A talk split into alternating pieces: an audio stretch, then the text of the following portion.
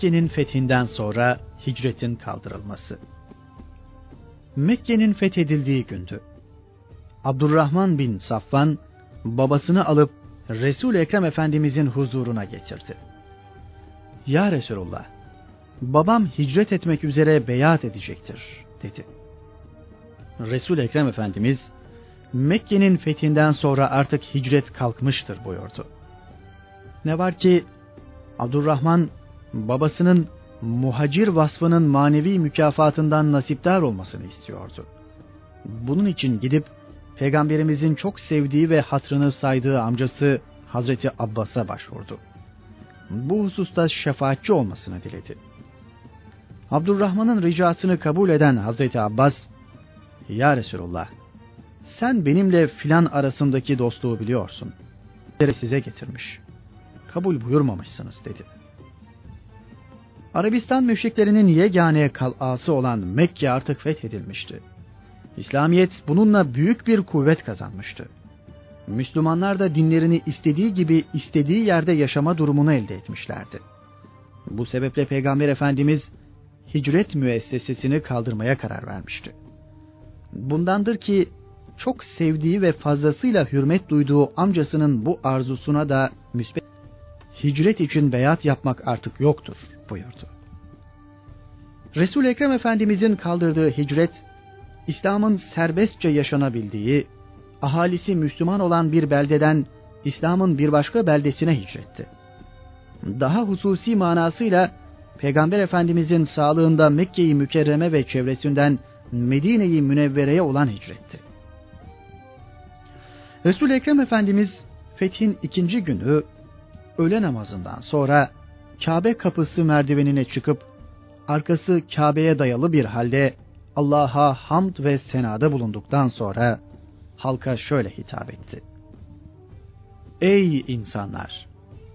Şüphesiz Allah göklerle yeri, güneşle ayı yarattığı gün Mekke'yi haram ve dokunulmaz kılmıştır. Kıyamet gününe kadar da haram ve dokunulmaz olarak kalacaktır. Allah'a ve ahiret gününe inanan bir kimse için Mekke hareminde kan dökmek, ağaç kesmek helal olmaz. Mekke'de kan dökmek benden önce hiçbir kimseye helal olmadığı gibi benden sonra da hiçbir kimseye helal olmayacaktır. Bu söylediklerimi burada dinleyenler hazır bulunmayanlara duyursun. Şu bulunduğum andan itibaren kim öldürülürse öldürülenin ailesi için şu iki şeyden birini tercih etmek hakkı vardır. Ya öldürenin kısas olarak öldürülmesini ya da öldürülenin diyetini, kan bedelini ister.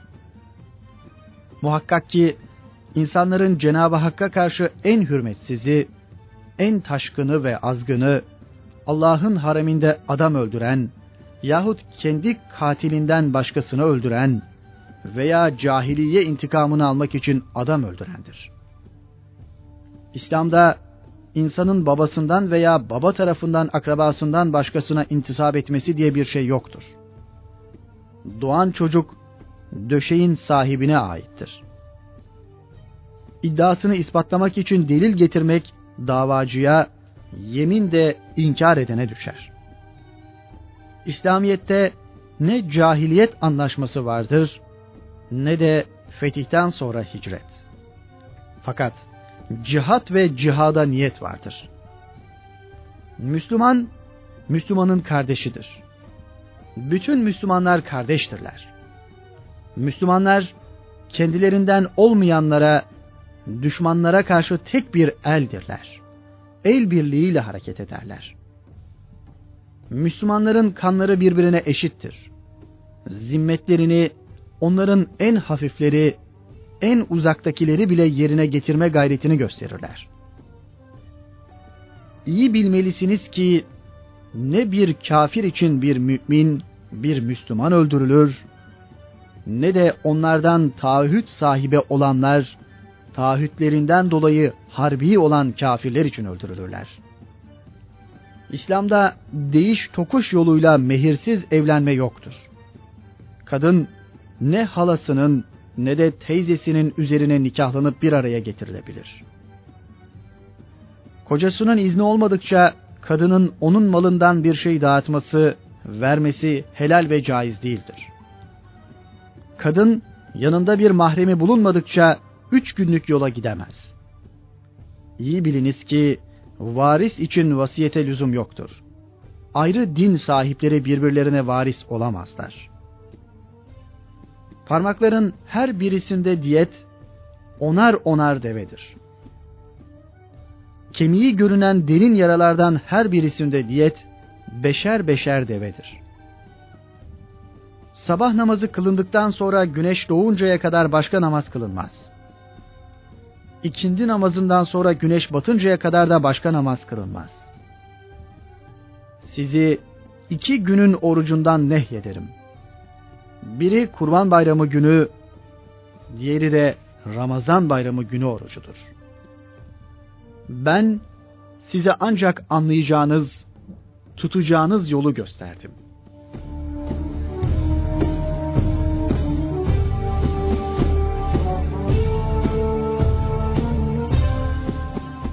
Resul-i Ekrem fetih hutbesinde sikaye ve hicabe hizmetleri dışında kalan cahiliye devresine ait bütün iş, muamele ve davaların ortadan kaldırıldığını beyan buyurmuştu. Hacılara su dağıtma vazifesi olan sikaye, o sırada Peygamber Efendimizin amcası Hazreti Abbas'ın uhdesindeydi. Kabe'ye hizmet vazifesi olan hicabe ise Osman bin Talha'da bulunuyordu. Hazreti Abbas, Peygamberimize müracaat ederek bu iki vazifenin de kendilerine verilmesini istedi. Ancak Resul-i Ekrem eskiden olduğu gibi sadece sikaye vazifesinin kendilerinde kalmasını uygun gördü. Resul-i Kibriya Kabe'nin anahtarını elinde tutuyordu. Birçok Müslüman bu şerefli vazifeyi üzerine almak arzusunu taşıyordu. Fakat Efendimiz Osman bin Talha'yı huzuruna çağırdı ve şüphe yok ki Allah size emanetleri ehil ve erbabına vermenizi, insanlar arasında hükmettiğiniz zaman adaletle hükmeylemenizi emreder. Mealindeki ayeti kerimeyi okuduktan sonra, Ey Osman! İşte anahtarın, al. Bugün iyilik ve ahde vefa günüdür, dedi ve Kabe'nin anahtarlarını yine ona teslim etti. Osman bin Talha anahtarları alıp giderken, Resul-i Ekrem sana zamanında söylemiş olduğum şey vuku bulmadı mı diye sordu. Hazreti Osman bin Talha aralarında geçen hadiseyi hatırlayarak Resulullah'ı tasdik etti.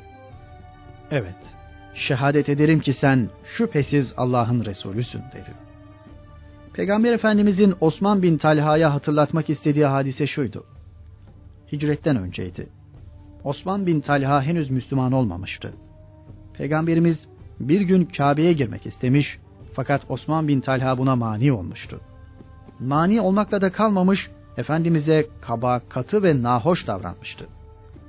Resul-i Ekrem ise bundan dolayı asla hiddete kapılmamış ve istikbal semalarında İslam'ın gür sedasının pek yakında hakim olacağını görür gibi sükunet ve mülayim bir eda ile Ey Osman! Ümit ederim ki bir gün gelecek sen beni bu anahtarı elde etmiş ve istediğim yere koymakta, arzu ettiğim kimseye vermekte serbest olacağım bir mevkide bulursun demişti. Osman bin Talha o zaman Kureyş kuvvetten düşmüş, yok olmuş demektir cevabını verince de Peygamber Efendimiz hayır ey Osman asıl o gün Kureyş hakiki kuvvet ve şerefe kavuşacaktır buyurmuştu. Resul-i Kibriya Efendimiz umumi af ilan ettikten sonra Safa tepesine çıkıp orada Kureyşlilerin biatını kabul etti. Seneler önce aynı tepede peygamberliğini açıktan ilan edip muhalefetle karşılaşırken şimdi aynı tepe üzerinde aynı kimselerden İslamiyet üzere biat alıyordu. Erkeklerin Allah'a iman, Allah'tan başka ilah bulunmadığına ve Muhammed'in onun kulu ve Resulü olduğuna şehadet ederek İslamiyet ve cihat üzerine yaptıkları biatı kadınların biatı takip etti. Kadınlar Allah'a hiçbir şeyi ortak koşmamak, hırsızlık yapmamak, kız çocuklarını öldürmemek, zina etmemek ve iffetini korumak, herhangi bir iyilik hususunda Allah Resulüne isyan etmemek üzere Peygamber Efendimiz'e biatta bulundular. Kadınlar taifesinin başında Hazreti Ali'nin hemşiresi Hazreti Ümmü Hani, As bin Ümeyye'nin kızı Ümmü Habib, Attab İbni Esid'in halaları Erva, Ebu Az kızı Atika, Haris bin Hişam'ın kızı Ebu Cehil'in oğlu İkrime'nin karısı Ümmü Hakim, Halid bin Velid'in kız kardeşi Fatiha gibi Kureyş kadınlarının meşhurları bulunuyordu. Aralarında Resul-i Ekrem'in haklarında nerede görülürlerse görülsünler, öldürülsünler diye buyurduklarından biri olan Ebu Süfyan'ın karısı Hint de vardı. Tanınmamak için kıyafet değiştirerek kadınlar arasına katılmıştı. Geçmişte peygamberimize ve Müslümanlara karşı giriştiği hareketlerden pişmanlık duyar hali vardı. Yaptığı her şeye rağmen kainatın efendisi İslamiyetle şereflendiğini duyduğu Hindi affetti ve onun da biatını kabul etti.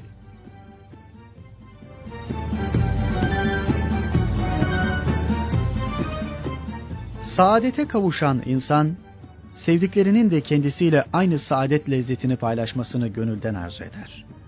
Bu, insanoğlunun mahiyetinde var olan bir duygudur. Hazreti Ebu Bekir, iman edip bu saadeti yaşayanlardan biriydi. Ama babası Ebu Kühafe henüz bu saadetten mahrumdu. Mesud oğul babasının bu nimeti, bu huzur ve saadet lezzetini kendisiyle paylaşmasını istiyordu. Bu maksatla elinden tutarak onu Efendimizin huzuruna getirdi. Beni Rabbim terbiye etti. O ne güzel bir terbiyedir buyurarak Cenab-ı Hakk'ın müstesna terbiyesi altında ahlaken kemale erdiğini ifade eden Nebi-i Muhterem Efendimiz, Hazreti Ebu Bekir'in ihtiyar babasını alıp yanına getirmesinden müteessir oldu. Ve ihtiyara getirme zahmeti vermeseydin de onu evinde ziyaret etseydik olmaz mıydı? buyurarak nezaket ve tevazuunu ishar etti. İlahi terbiye ile yetişen kaynaktan ders alan Hazreti Ebu Bekir ise Ya Resulullah senin onun yanına gitmenden onun senin yanına gelmesi daha muvafıktır dedi. Bu kısa konuşmadan sonra resul Ekrem Efendimiz mübarek ellerini Ama Ebu Kühafe'nin göğsüne koyup sığadıktan sonra Müslüman ol ey Ebu Kühafe dedi. Bu söze muhatap olan Ebu Kuhafe derhal Müslüman olup oğlunun saadetine saadet kattı. İslam'ın amansız düşmanlarından Ebu Süfyan'ın karısı Utbe kızı Hind'in affedilmesi, nerede görülürlerse görülsünler öldürülecekler listesine alınanlar için bir ümit kapısı açtı. Vakit geçirmeden onlar da bu ümit kapısından girerek İslamiyetle şereflendiler. Hazreti Resulullah'ın geniş affına uğradılar. İkrime bin Ebi Cehil, Abdullah bin Ebi Sar, Safvan bin Ümeyye, Süheyl bin Amr, Hazreti Hamza'nın katili Vahşi, şair Abdullah bin Zebari, Haris bin Hişam, Enes bin Züneym bunlar arasında yer alıyorlardı. Dünya tarihinde acaba en amansız düşmanlarına karşı böylesine lütufkar ve merhametli davranıp onları affeden, onlara kalbinde yer verip safına alan bir başka şahsiyete rastlanabilir mi? Mekke artık fethedilmişti. Yüzlerde, gönüllerde sevinç vardı. Şehirde müstesna bir bayram havasının neşesi hakimdi. Bu sırada bir bedevinin peygamberimizin yanına yaklaştığı görüldü. Bir peygamberin karşısında bulunmanın heyecan ve haşyeti altında bedevi tir tir titriyordu. Durumu fark eden Resul-i Kibriya, ''Ne oluyor sana? Kendine gelsene. Ben bir hükümdar değilim. Ben güneşte kurutulmuş et parçaları yiyerek geçinmiş olan Kureyşli bir kadının oğluyum buyurdu. Bu sözleriyle Peygamber Efendimiz eşsiz bir tevazu örneği veriyordu. O, hükümdar bir peygamber olmakla kul bir peygamber olmak arasında muhayyer bırakıldığında da kul bir peygamber olmayı tercih etmişti. Gönül deryasında her zaman hakim olan tevazuydu. Resul-i Kibriya'nın bu mübarek sözlerine muhatap olan Bedevi rahatladı ve titremesi geçti. Mekke fethedilmişti. Resul-i Ekrem ise henüz bu mübarek beldeden ayrılmamıştı. Her nasılsa Mahsum oğulları kabilesinden Fatıma binti Esvet adındaki kadın bir hırsızlık yapmıştı. Kadın itibarlı, soylu biriydi ve Kureyş yanında da hatırı sayılıyordu. Haliyle Peygamberimiz durumdan haberdar oldu. Hırsızlıkta bulunanın elinin kesileceğini herkes biliyordu. Ama düşünüyorlar ve birbirlerine soruyorlardı. Yüksek mevkiye sahip bu kadının eli nasıl kesilebilir? Aile halkı Fatıma'nın elini kesmeden kurtarmak için bir ümit ışığı arıyorlardı. Birinin Hazreti Resulullah katında şefaatçi olmasını istiyorlardı. Ne var ki kimse buna cesaret edemiyordu. Sonunda Üsame bin Zeyd Hazretleri bu vazifeyi üzerine aldı. Üsame, Peygamberimiz tarafından fazlasıyla sevilen bir sahabiydi. Bu sevgiye güvenmiş olacak ki bu görevi üzerine almaya yanaşmıştı. Hazreti Üsame kadının affedilmesini dileyince Resul Ekrem Efendimizin rengi birden değişti. Sen kötülüğün önüne geçmek için Allah'ın koymuş olduğu cezalardan bir cezanın affedilmesi hakkında mı benimle konuşuyorsun diye buyurdu.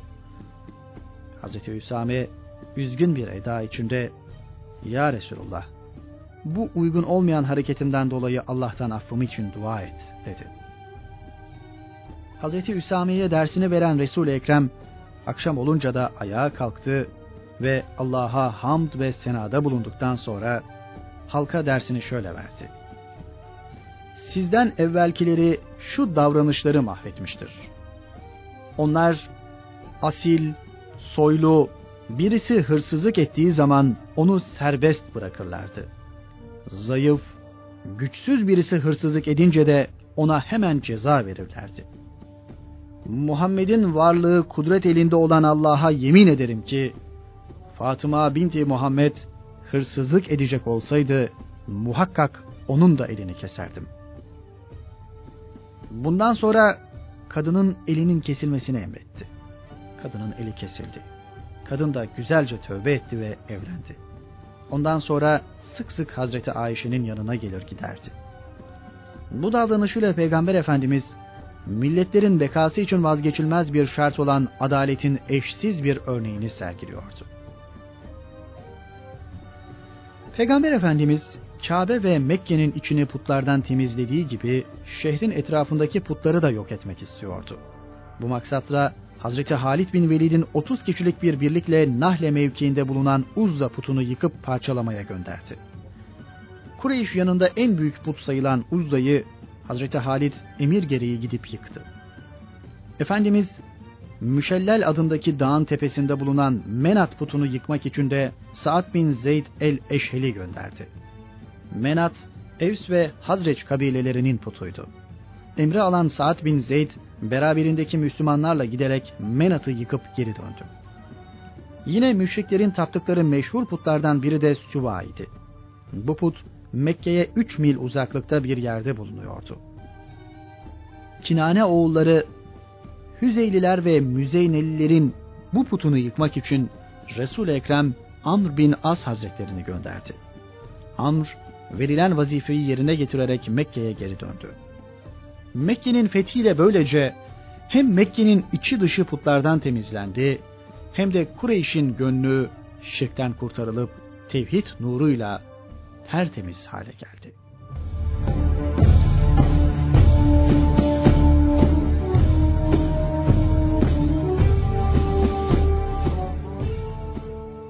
Huneyn Muharebesi Hicretin 8. yılı 5 Şevval Cumartesi Miladi 27 Ocak 630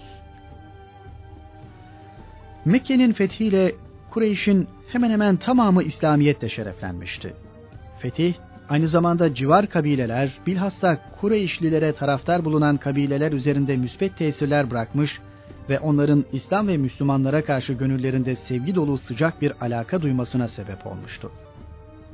Bu ciddi alaka, onların bundan böyle Resul-i Ekrem safında yer alacaklarının bir işareti sayılıyordu. Bununla birlikte gönülleri hala bu sıcak ilgiden mahrum bulunan ve mahrumiyetten sıyrılmak arzusu taşımayanlar da vardı. Sakif ve Havazin kabileleri bunların başında yer alıyordu. Bunlar eskiden beri peygamberimiz ve Müslümanlara karşı şiddetli düşmanlıklarıyla biliniyorlardı. Birçok Arap kabilesi gelip Resul-i Ekrem'e sadakat elini uzattığı halde bunlar düşmanlıklarını bir türlü yenemiyorlardı. O civarın en güçlü kabileleri oluşu kendilerini aldatıyor ve yersiz bir gurura sevk ediyordu. Resul-i Ekrem Mekke'yi fethedip Kureyşlilerle birlikte birçok kabilenin de gönlünü kazanınca bunların endişeleri daha da kabardı. Büyüyen endişeleri onları hazırlanıp Mekke üzerine yürüme kararını almaya kadar götürdü. Gayeleri peygamberimizin üzerlerine gelmesine fırsat tanımadan Mekke'ye ansızın baskında bulunmaktı. Bu maksatlarını her iki kabilenin ileri gelenleri kendi aralarında yaptıkları konuşmalarla ishar ediyorlardı. Muhammed'in bizimle savaşmaya gelmesine herhangi bir engel kalmamıştır. En uygun olan o üzerimize yürümeden bizim onun üzerine yürümemizdir diyorlardı. Nitekim kısa zamanda etraftaki bazı kabilelerin de katılmasıyla Havazinlilerin lideri Malik bin Avf'ın kumandasında 20 bin kişilik bir ordu teşkil ettiler. Kumandan Malik bin Avf, askerlerin cesaretle çarpışmaları, dönüp geri kaçmamaları için bütün kadın, çocuk ve davarlarının da orduya katılmasını temin etmişti. 20 bin kişilik düşman ordusu kadınları, çocukları ve hayvanlarıyla gelip Evtas mevkiinde karargahını kurdu. Resul-i Kibriya Efendimiz, Havazin ve Sakiflilerin İslam topraklarına saldırmak için bir araya geldiklerini haber alınca, derhal Abdullah bin Ebi Hadret'i bilgi almak üzere düşman topluluğunun arasına gönderdi. Tebdili kıyafetle düşman ordusu arasında birkaç gün dolaşan bu sahabi, gereken bilgileri topladı. Ordu kumandanı Malik bin Avf'ın diğer kumandanlara söylediği şu sözleri bizzat kulağıyla duydu. Bu Muhammed'in son çarpışması olacaktır. Onun şimdiye kadar karşılaştığı kimseler harp bilgisinden mahrum bulunan kimselerdi. Onun için onlara galebe çalıyordu. Seher vakti olunca hayvanlarınızı, kadınlarınızı ve çocuklarınızı arkanızda sıralayacaksınız. Sonra askerleri sıralayacaksınız. Müslümanlarla karşılaşınca hücuma kalkacaksınız. Kılıçlarınızın kınlarını kırınız ve tek bir adam gibi hep birden saldırınız. Biliniz ki zafer ilk saldırıya geçenindir. Bu bilgileri topladıktan sonra görevli sahabi Mekke'ye döndü ve peygamberimize duyduklarını olduğu gibi haber verdi. Resul Ekrem Efendimiz kendi aleyhinde böyle büyük bir ordunun toplandığını haber alınca onları yerinden bastırmak için süratle hazırlığa geçti.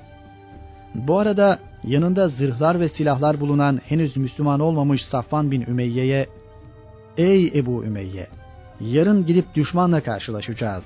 Şu silahlarını bize emanet olarak ver." dedi. Safvan, "Ya Muhammed, zorla almak, geri vermemek üzere mi istiyorsun?" diye sordu. Peygamber Efendimiz, "Hayır, emanet olarak kırılan ve yitirilenleri tazmin etmek üzere istiyorum." buyurdu. Bunun üzerine Safvan yüz tane zırhla onlara yetecek silah verdi. Hatta bunları harp yerine kadar taşımayı da Efendimizin teklifiyle üzerine aldı. Peygamber Efendimiz Mekke'nin fethi günü Müslüman olan ve henüz 20 yaşında bir genç olan Attab bin Esid'i Mekke'ye vali tayin etti. İslam ve Kur'an'ı öğretmek üzere de Muaz bin Cebel Hazretlerini şehirde vazifelendirdi. Tarih Hicretin 8. senesi Şevval ayının 5. günüydü. 12 bin kişilik İslam ordusu Hz. Resulullah'ın kumandasında Mekke'den düşmanın toplandığı mevkiye doğru hareket etti. Ordunun 2000'ini Mekkeliler teşkil ediyordu.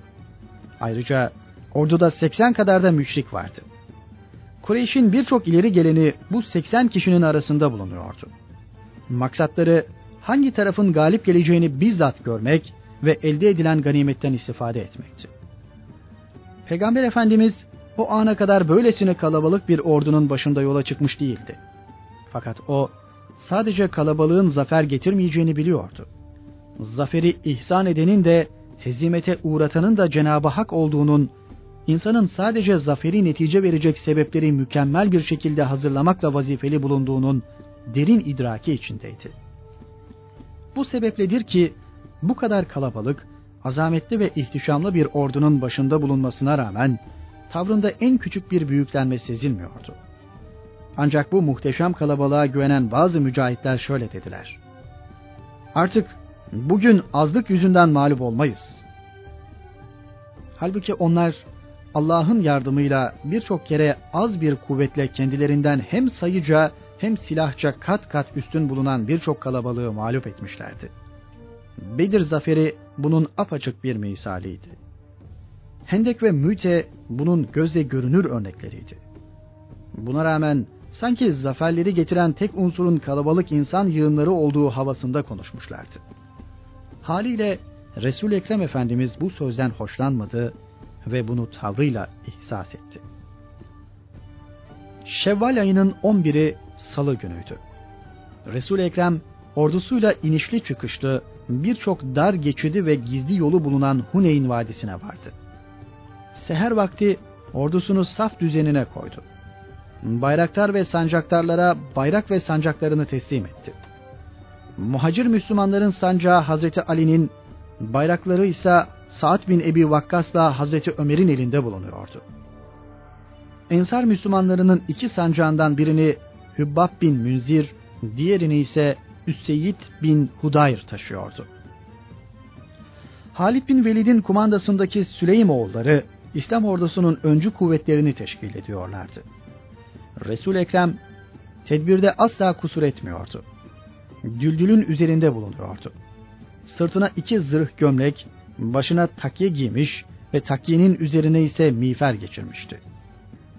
Herkesten ziyade yüce yaratıcısından korkan, herkesten fazla ibadet ve taate düşkün bulunan Fahri Alem Efendimiz, Cenab-ı Hakk'ın adetullah tabir edilen hayattaki maddi kanunlarına da herkesten ziyade riayet ediyor, onlara uymada gayet titiz davranıyordu. Düşman karşısındaki bu vaziyetiyle de bu durumu açıkça ortaya koyuyordu. Allah'ın hıfz ve inayeti altında bulunmasına rağmen herkes bir zırh giymişken o iki zırh giyiyor ve başındaki takyesinin üzerine de miğfer geçiriyordu. Sabahın alacakaranlığı henüz çevreye hakimdi. Peygamberimiz düşmanı gafil avlamak maksadıyla ordusuna Hunayn Vadisi'ne inmek emrini verdi. Vadiye önce düşmanın tertibat ve harekatından habersiz olan Hazreti Halit emrindeki öncü kuvvetlerle daldı. Bu dalışla birlikte vadinin iki hakim yerinde pusu kurmuş düşmanın oklarına hedef oldular. Askeri manevraya elverişli olmayan dar vadide ok yağmuru mücahitleri şaşkına çevirdi. Etrafın henüz karanlık olması ise işi bütün bütün güçleştiriyordu. Neye uğradıklarını anlamayan mücahitler geri çekilmek zorunda kaldılar. Öncü kuvvetlerin geri çekilişini orduya gönüllü olarak katılan Mekkeli yeni Müslümanların geri çekilişi takip etti. Geri çekilme artık bir nevi bozguna dönme istidadı gösterir gibi oldu. Durum oldukça nazik, manzara oldukça acıklı ve ibretliydi. Hz. Resulullah'ın etrafında sadece yüz kadar mücahidin bulunduğu görülüyordu. Düşmansa 20 bin kişilik kuvvetiyle o tarafa doğru ilerliyordu. Efendimiz iki tarafından kaçışan mücahitlere Ey insanlar! Nereye gidiyorsunuz? Bana doğru geliniz. Ben Allah'ın Resulüyüm. Ben Muhammed bin Abdullah'ım diye sesleniyordu. Harp meydanı bir ana baba gününe dönmüştü. Develer birbirine giriyor, at kişnemeleri toz dumana karışarak etrafa korku saçıyordu. Resul Ekrem Efendimiz herkesin kendisini bırakıp gerisin geri kaçtığı düşman kuvvetlerinin ise sel gibi üzerlerine akıp geldiği bu sırada Düldül'ün üzerinde bir cesaret abidesi gibi duruyordu. Tek adım geri çekilmediği gibi zerre kadar korku eseri de göstermiyor, cesaretini, ümit ve metanetini kaybetmiyordu. Bu kan ve ateş deryasında böylesine sebat ederek durmak, düşmanın 20 bin kişilik kuvvetine karşı mukavemet göstermek, ancak o kahramanlar kahramanının şanıydı. İslam ordusunun böylesine beklenmedik bir bozgunla karşı karşıya kalması anında Kureyşlilerden bazı kimseler ileri geri konuşmaya başladılar. Ebu Süfyan bin Harp, bu bozgunun denize kadar arkası alınmaz dedi. Safvan bin Ümeyye o sırada henüz Müslüman olmamıştı. Buna rağmen Ebu Süfyan'ın bu sözlerinden hoşlanmadı. Ağzına taş toprak dolsun senin diye karşılık verdi. Yine o sırada Safvan bin Ümeyye'nin kardeşi gelip ona müjdeler olsun. Bugün sihir bozuldu, tesirini kaybetti deyince Safvan bin Ümeyye'den şu cevabı aldı. Sus, Allah senin ağzını yırtsın. Bana Havazinlilerden birinin hakim olmasından Kureyşli birinin hakim olması daha hoş gelir. Süheyl bin Amr ise Muhammed ve ashabı bir daha toparlanamazlar, savaşamazlar diye konuştu. Henüz yeni Müslüman olmuş Ebu Cehil'in oğlu İkrim'e böyle söylemen doğru değil dedikten sonra sözlerine şöyle devam etti. İşler ancak Allah'ın elindedir. Muhammed'in elinde bir şey yoktur. Bugün savaş onun aleyhinde ise yarın muhakkak onun lehinde olacaktır. Süheyl, İkrime'nin bu sözlerini hayretle karşıladı. Sen daha önce bu sözlerin tersini söyler dururdun. İkrime şu cevabı verdi. Vallahi biz uygun olmayan şeyler üzerinde ısrar ediyormuşuz. Aklımızı çalıştırmamış, ne zarar ve ne de fayda veren bir takım taşlara tapmış durmuşuz. Bu bozgun sırasında Kureyşlilerin henüz Müslüman olmayanlarından Peygamber Efendimizin hayatını ortadan kaldırmayı düşünenler bile oldu. Şeybe bin Osman bunlardan biriydi. Uhud harbinde babası öldürülmüş, içi intikam ve kinle doluydu. Kılıcını sıyırdı, sağ tarafından Peygamber Efendimiz'e doğru varmak istedi. Bu sırada sağında amcası Hazreti Abbas'ın elinde pırıl pırıl parlayan kılıcıyla durduğunu gördü. Amcası oradayken ben yanına varamam diyerek Peygamber Efendimizin sol tarafına geçti. Oradan hücum etmek istiyordu. Fakat o taraftan da amcasının oğlu Ebu Süfyan bin Haris'in durduğunu gördü. Amcasının oğlu da onu yardımsız bırakmaz diyerek bu sefer Efendimizin arkasından yanına varmak istedi. Efendimiz'e oldukça yaklaşmıştı. Kılıcını kaldırmak istedi. Efendimiz'e oldukça yaklaştı. Kılıcını kaldırıp vurması için de hiçbir engel kalmamıştı. Tam o esnada aralarında birdenbire bir ateş yalımı peyda oldu. Şeybe birden ürperdi, korktu. Ateş yalımının kendisini yakıp kavuracağını sandı. Korkusundan gözlerini elleriyle kapayıp geri çekildi. Ancak o zaman Peygamberimizin Allah tarafından korunduğunu anlamıştı. Geri çekildiği sırada Resulü Kibriya Efendimiz ona doğru mübarek başını çevirip gülümsedi ve ''Ey şeybe yanıma gel'' buyurdu. Kainatın efendisinin hayatına kastetme cesaretini kendisinde az evvel bulan şeybe o anda tir tir titriyordu. Kalbi korkuyla ürperiyordu. Efendimizin yanına geldi. Peygamberimiz mübarek ellerini göğsüne koydu ve Allah'ım bundan şeytanın vesvese ve desiselerini gider diye dua etti. Bir anda Şeybe'nin kalbindeki intikam ve kin duygusu yok oluvermiş, yerini iman ve peygamberimize karşı sevgiye terk etmişti. O anı Şeybe, vallahi elini göğsümden kaldırmamıştı ki Allah'ın yarattıklarından ondan daha sevgili olan bir kimse kalmamıştı diyerek ifade eder. Daha sonra Peygamber Efendimiz ey Şeybe haydi artık kafirlerle savaş diye buyurdu. Şeybe der ki Resulullah'ın önünde kılıç vurup savaştım. Vallahi canımla ve her şeyimle onu korumak istiyordum. O anda sağ olsaydı da babamla karşılaşsaydım hiç çekinmeden onu da kılıçla vurup öldürürdüm. Böylece gerek Arap gerekse Arap olmayanlardan Muhammed'e tabi olmadık hiç kimse kalmasa bile ben yine ona tabi olmam diyen biri daha Hazreti Resulullah'ın getirdiği nurun cazibesinden kendisini kurtaramayıp İslam'ın saadetli sinesine kavuşmuş oluyordu. Etrafında bir avuç mücahitle kalan resul Ekrem, düşmanın bir sel gibi üzerlerine akıp gelmekte olduğunu görünce, onlarla çarpışmak için boz düldülü mahmuzlamak istiyor. Ancak amcası Hazreti Abbas, düldülün dizginini Ebu Süfyan bin Haris ise üzengisini tutup buna mani olmaya çalışıyordu. Bu dehşetli hengamede Resul-i Kibriya Düldül'ün dizginini tutan amcası Hazreti Abbas'a Ey ensar cemaati! Ey semure ağacının altında biat etmiş bulunan sahabiler topluluğu! neredesiniz diye seslen emrini verdi. Hazreti Abbas gür sesiyle nida etti. Gür sada dalga dalga vadiyi çınlattı. Kaçan mücahitler durdular. Etraf alaca karanlıktan sıyrılıp aydınlığa kavuştuğu gibi mücahitler de yüreklerini kaplayan ürkeklikten sıyrılıp kendilerine geldiler.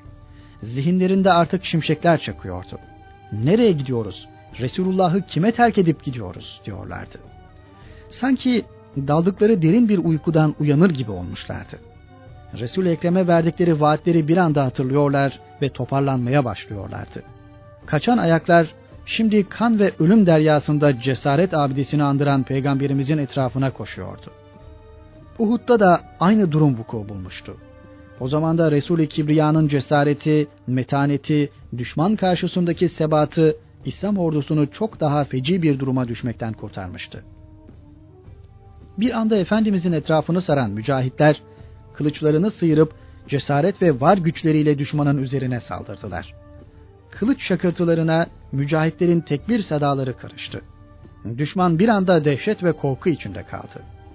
Hazreti Osman, Hazreti Ali, Ebu Dücane gibi kahraman sahabiler o dehşetli hengamede Resul-i Kibriya'nın önünde düşmana göğüslerini siper ederek çarpışıyorlardı. Hazreti Ali çevikliği ve cesaretiyle düşman askerlerinin cesaretini kırıyordu. Harbin bu en şiddetli anında Fahri Alem üzerinde bulunduğu düldülün üzengisine basarak dikildi ve işte şimdi fırın tutuştu, harp kızıştı diye buyurdu.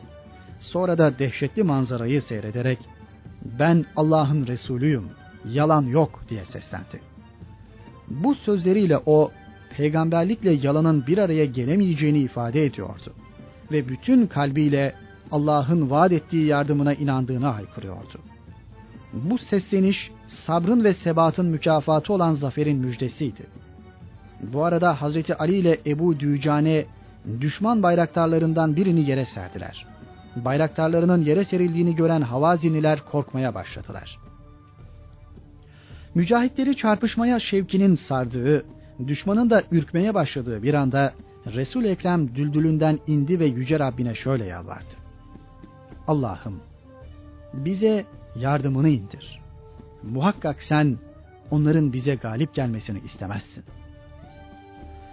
Cenab-ı Hakk'a böylesine gönülden yalvarıp zafer niyaz eden Efendimiz sonra da eline bir avuç kum aldı. Yüzleri kara olsun diyerek düşman askerlerine doğru attı.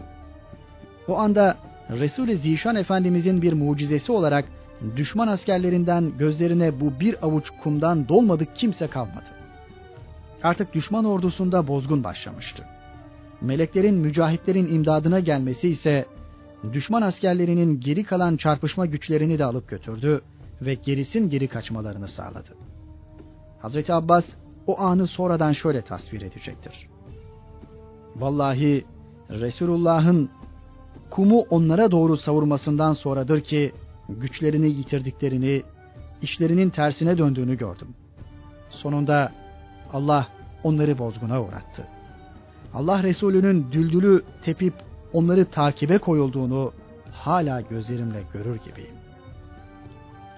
Cenab-ı Hak mücahitlerin gönlünde meydana gelen bir anlık bozgunun burukluğundan sonra ihsan ettiği parlak zaferi Kur'an-ı Kerim'inde şöyle beyan buyurur.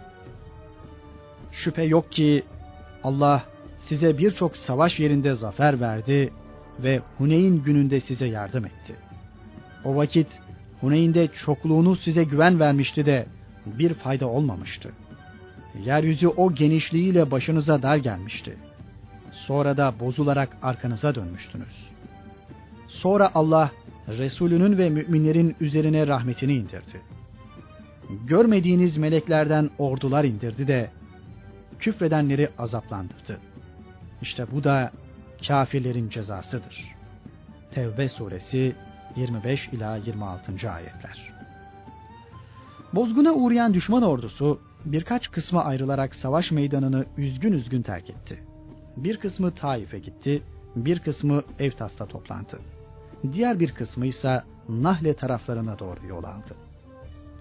Çarpışma sonunda Müslümanların dört şehit, düşmanınsa yetmiş ölü verdiği görüldü.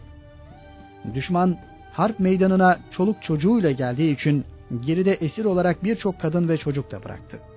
Bu savaşta mücahitlere o ana kadar elde edemedikleri bol miktarda ganimet kalmıştı.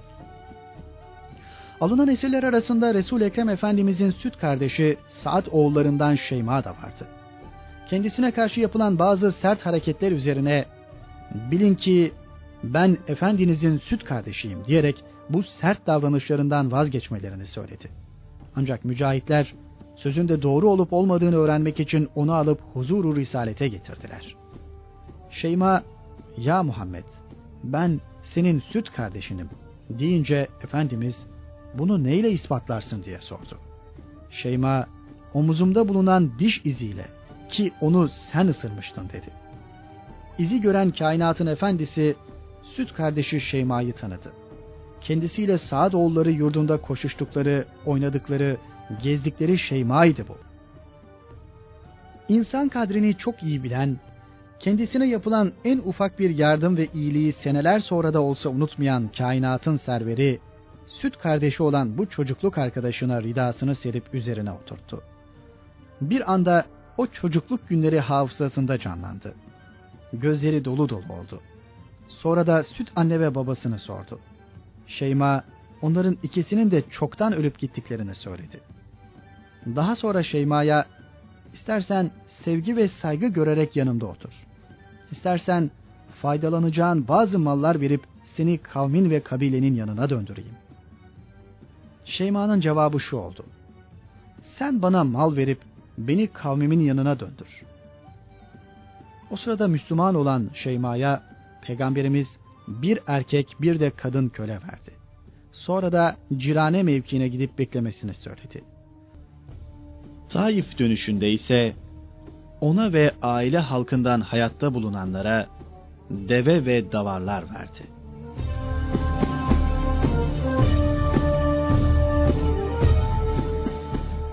Resul-i Kibriya Efendimiz, bozguna uğrayan havazinlilerin takip edilmesini mücahitlere emretti. Ordunun öncü kuvvetlerini yine Süleym'in kumandası altında bulunuyorlardı. Takip esnasında resul Ekrem Efendimiz bir kadın cesedine rastladı. Kadının Halid bin Velid tarafından mücahitle derhal ona haber gönderdi. Halide yetiş ve ona Allah Resulü seni çocuk, kadın ve hizmetçi öldürmekten men ediyor de. Bu arada çocukların da öldürüldüğü haber oldu. Dikkat ediniz. Çocuk öldürülmeyecektir. Sahabinin biri ya Resulallah onlar müşriklerin çocukları değiller mi diye sorunca Fahri kainattan şu cevabı aldı. Sizler de müşriklerin çocukları. Her çocuk İslam yaratılışı üzere doğar dili dönünceye kadar öyle devam eder. Sonra anne babaları onu ya Yahudileştirir ya da Hristiyanlaştırır. Huneyn Vadisi'nde mücahitler tarafından bozguna uğratılan Havazinlilerden bir kısmının Evtas Vadisi'nde toplandık. Ebu Amir el-Eş'ari Hazretlerine bir sancak vererek bazı mücahitlerle toplanan düşman üzerine yolladı. Evtas'ta mevzilenen düşman kendisini savunmaya geçti. Teke tek yapılan dövüş ve vuruşmada kumandan Ebu Amir Havazinilerden birçoğunu yere serdi. Sonra da mızraklarla vuruşma başladı. Bu sırada kumandan Ebu Amir atılan bir okla ağır yara aldı ve sancağı yeğeni Ebu Musa el-Eş'ariye vererek onu kumandan tayin etti. Bir müddet sonra da aldığı ağır yaranın tesiriyle şehit olarak hayata gözlerini yumdu. Kumandanlığa geçen Ebu Musa savaşa girişti ve düşman kuvvetlerini dağıtmaya muvaffak oldu. Düşman oradan doğruca Taif'e gidip sığındı. Daha önce de kumandanları Malik bin Av gidip oraya sığınmıştı. Peygamber Efendimiz çarpışmadan kesin netice almak istiyordu. Huneyn'deki çarpışmayla bu kat'i netice henüz elde edilmiş değildi. Bu sebeple Taif üzerine yürümek gerekiyordu. Buna binaen Huneyn Savaşı'nda elde edilen ganimetler ve alınan esirleri Cirane mevkiine gönderdi ve orada muhafaza edilmesini vazifelendirdiği sahabilere emretti. Resul-i Ekrem henüz Huneyn mevkiinden ayrılmış değildi. Öğle namazını kılmış ve istirahat etmek üzere ağacın gölgesinde oturuyordu. Bu sırada iki kişinin huzuruna gittiği fark edildi. Bunlar Gatafanların reisi Uyeyne bin Hısn'la Akra bin Habis'ti. Uyeyne, peygamberimizden haksız yere öldürülen Amir bin Azbat'ın kanını dava ediyor ve katil Muhallim bin Cessame'nin kendilerine teslimini istiyordu. Uyeyne bin Hısn, Vallahi ya Resulullah, o benim kabilemin kadınlarına ölüm acısını tattırıp canlarını yaktığı gibi ben de onun kadınlarına ölüm acısını tattırıp canlarını yakmadıkça yakasını bırakmam diyerek Muhallim bin Cessame'nin kısas için kendisine teslimini isterken Aka bin Habis ise Muhallim'i müdafaa ediyordu. resul Ekrem'in onun diyetini yani kan bedelini alsan olmaz mı diye yaptığı teklife Uyeyne bin Hısn yanaşmadı. Bu sırada sesler yükseldi. Gürültüler çoğaldı. Bunun üzerine resul Ekrem, hayır, bu seferimiz sırasında 50 deve, dönüşümüzde de 50 deve diyet alacaksın diye teklifte bulundu. Ancak Uyeyne aynı şekilde bu teklifi de kabule yanaşmadı. Uzun uzun konuşulduktan sonra Uyeyne bin Hısn teklif edildiği şekilde diyet almayı kabul etti. Böylece resul Ekrem halk arasında az da olsa gerginliğe sebep olan bir kan davasını halletmiş oldu.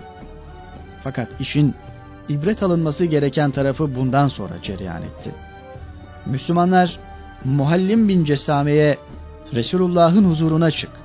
Yaptığın bu hareketinden dolayı senin için Allah'tan mağfiret dilesin. Deyince uzun boylu üzerine yeni bir elbise giymiş ve kısasa kendisini hazırlamış bulunan Muhallim huzuru risalete vardı. Efendimizin önünde diz çöktü. Mahzundu, üzgündü. Gözlerinden yaşlar akıyordu. Yaptığı şeyden pişmanlık duyduğunu ve Allah'a tevbe ettiğini söyleyerek Resulullah'tan Allah'tan mağfiret dilemesini istiyordu. Ya Resulullah, pişmanım. Allah'a tevbe ediyorum. Benim için Allah'tan mağfiret dile. resul Ekrem kimsin sen diye sordu. Muhallim bin Cessame diye cevap verdi. Resul Ekrem demek sen ona Allah'ın emanıyla eman verdin. Selamına karşılık selam verdin. Sonra da onu vurup öldürdün öyle mi diye buyurunca Muhallim bin Cesame başını önüne eğdi ve sustu. Efendimiz sonra ellerini kaldırarak yüksek sesle Allah'ım Muhallim bin Cessame'yi affetme diye beddua etti. Bedduayı duan Muhallim'in tüyleri diken diken oldu. Uğrayacağı akıbetin dehşetini düşünerek tir tir titremeye başladı. Tekrar yalvardı. Ya Resulullah pişmanım. Allah'a tevbe ediyorum. Ne olur benim için Allah'tan af dile. Ne var ki Muhallim'in bu yakarışı da pek fayda etmiyor ve aynı şekilde Hazreti Resulullah'ın bedduasına vuruyordu. Sonra da huzurdan kovuluyordu. Yapılan bedduanın üzüntüsü ve uğrayacağı akıbetin dehşeti muallimi ancak bir hafta kadar ayakta tutabildi. Ölünce onu gömdüler. Ne var ki yer ölüsünü kabul etmiyordu. Defalarca gömdükleri halde yer yine cesedini dışarı attı. Sonunda kavmi üzerine taş yığarak onu iki dağ arasında bıraktı. Durumu Efendimiz'e ilettiklerinde şöyle buyurdular. Vallahi yer ondan çok daha kötülerin üzerlerini örtmüştür. Fakat Allah aranızdaki haksız yere adam öldürme yasağı hakkında size gösterdiği bu hadiseyle öğüt ve ibret vermek istemiştir.''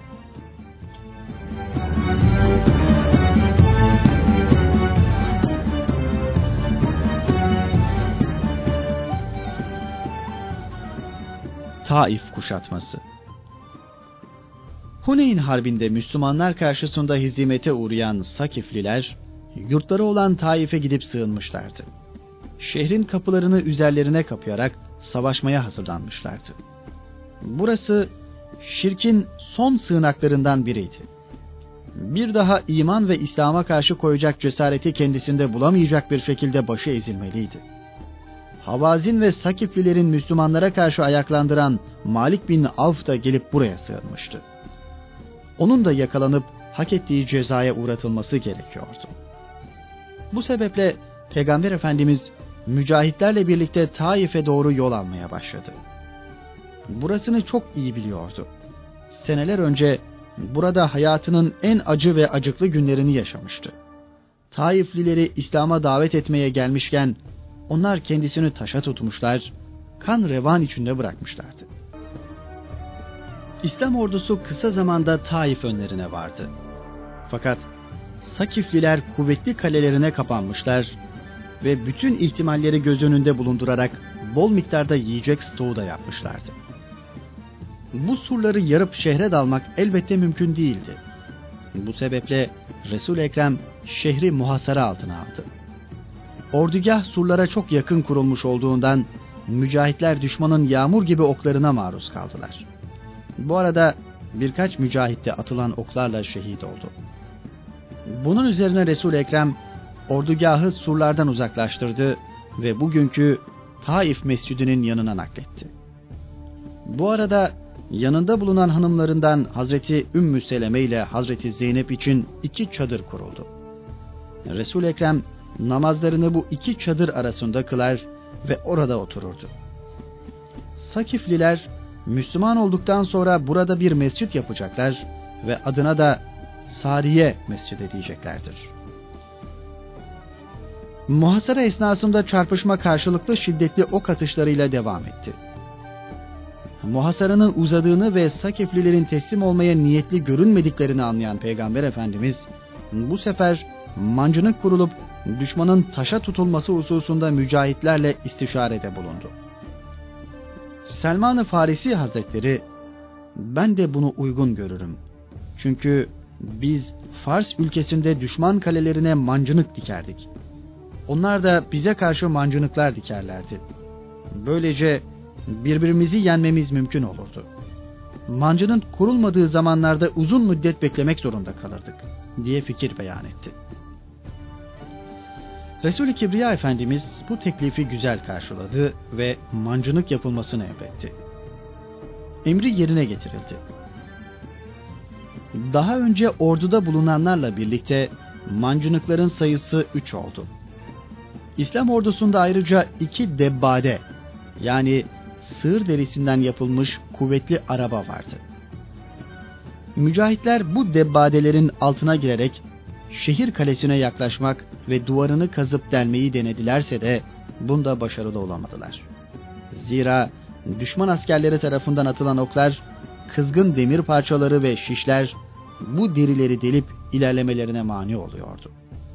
Hatta bu arada İslam ordusu şehit de verdi. Muhasara uzuyor ve arzu edilen netice elde edilemiyordu. Bunun üzerine Resul Ekrem Efendimiz bir başka tedbire başvurdu. Düşmanı iktisadi baskı altına almak için şehir dışındaki Taiflilerin ileri gelenlerine ait kaliteli ve nadir üzümler yetiştirilen bağ ve bahçelerin tahrip edilip kesileceğini duyurdu ve kesilmesini mücahitlere emretti. Tek geçim kaynakları olan bağ ve bahçelerinin kesildiğini gören Sakifliler telaşa kapıldılar ve peygamberimize "Ey Muhammed, mallarımızı neden kesiyorsun? Bizi yenersen ya onları alırsın yahut da dediğin gibi Allah'ın rızasını ve akrabalık hakkını gözeterek bize bırakırsın diye seslendiler. Bunun üzerine Resul Ekrem Efendimiz ben bağınızı Allah rızasını ve akrabalık hakkını gözeterek bırakıyorum dedi ve üzüm asmalarının kesilmesini men etti. Bu arada kahraman sahabi Hazreti Halid bin Velid ortaya atılarak düşmanlardan çarpışacak er diledi. Fakat düşmanda bu yolda hiçbir hareket görülmedi. İçlerinden biri Hazreti Halid'in er dilemesine şu cevabı verdi. Bizden hiçbiri seninle çarpışmak üzere kaleden inmeyecektir. Biz kalemizde oturmaya devam edeceğiz. Çünkü yıllarca bize yetecek yiyecek stoğumuz var. Eğer bu yiyecekler tükenir ve sen de o zamana kadar beklemeyi göze alırsan, o takdirde hepimiz kılıcımızı sıyırır, senin karşına çıkar ve son nefesimize kadar seninle çarpışırız. Kuşatma uzadıkça uzuyordu. Sakiflilerin ise kaleden çıkıp göğüs göğüse çarpışmaya niyetleri yoktu. Teslim olmayı da düşünmüyorlardı. Bunun üzerine Peygamber Efendimiz bir başka tedbire başvurdu. Kaleden inip yanımıza gelen ve Müslüman köle hürdür diye ilan ettirdi. Bu ilan üzerine 20'ye yakın köle kaleden indi ve İslam ordusuna katılıp Müslüman oldu. Peygamber Efendimiz de onları azat etti. Sonra da hepsini hali vakti yerinde olan Müslümanlara teslim ederek onlara Kur'an okutmalarını ve sünnetleri öğretmelerini emretti. Sakifliler Müslüman olduklarında bu kölelerin kendilerine geri verilmesini peygamberimizden isteyecekler. Peygamberimiz ise onlar Allah'ın azat etmiş olduğu kimselerdir. Sizlere geri veremem buyurarak isteklerini reddedecektir. Bir ara Uyeyne bin Hısn huzura çıkarak Ya Resulullah izin ver de gidip onlarla konuşayım. Onları İslamiyet'e davet edeyim. Olur ki Allah onlara hidayet ihsan eder dedi. Resul Ekrem Efendimiz izin verince Uyeyne çıkıp Taiflilerin yanına gitti. Peygamber Efendimiz'e söylediklerinin tam aksine onlara vallahi Muhammed hiçbir zaman sizin gibisiyle karşılaşmadı. Kaleleriniz korunmaya müsaittir. Direnmenize devam ediniz dedi. Bundan sonra dönüp geldi. Resul Ekrem Efendimiz Ey Uyeyne onlara neler söyledin diye sordu. Uyeyne hiç bozuntuya vermeden onları Müslüman olmaya davet ettim. Muhammed sizi teslim almadıkça geri çekilmeyecektir. Kendiniz için ondan eman alınız dedim diye konuştu. Uyeyne sözlerini bitirince Peygamber Efendimiz hiddetle yalan söylüyorsun. Sen onlara şöyle şöyle söyledin dedi ve onun söylemiş olduğu sözleri teker teker nakletti. Kızarıp bozaran Uyeyne af diledi. Doğru söylüyorsun ya Resulullah. Söylediklerimden dolayı Allah'tan affımı dilerim. Pişmanım. Allah'a tevbe ediyorum. O sırada Hazreti Ömerül Faruk, Ya Resulullah müsaade buyur da götürüp şunun boynunu vurayım dedi. Resul-i Ekrem Efendimiz, hayır, ashabımı öldürüyorum diye insanlar hakkında söz ederler diye buyurdu.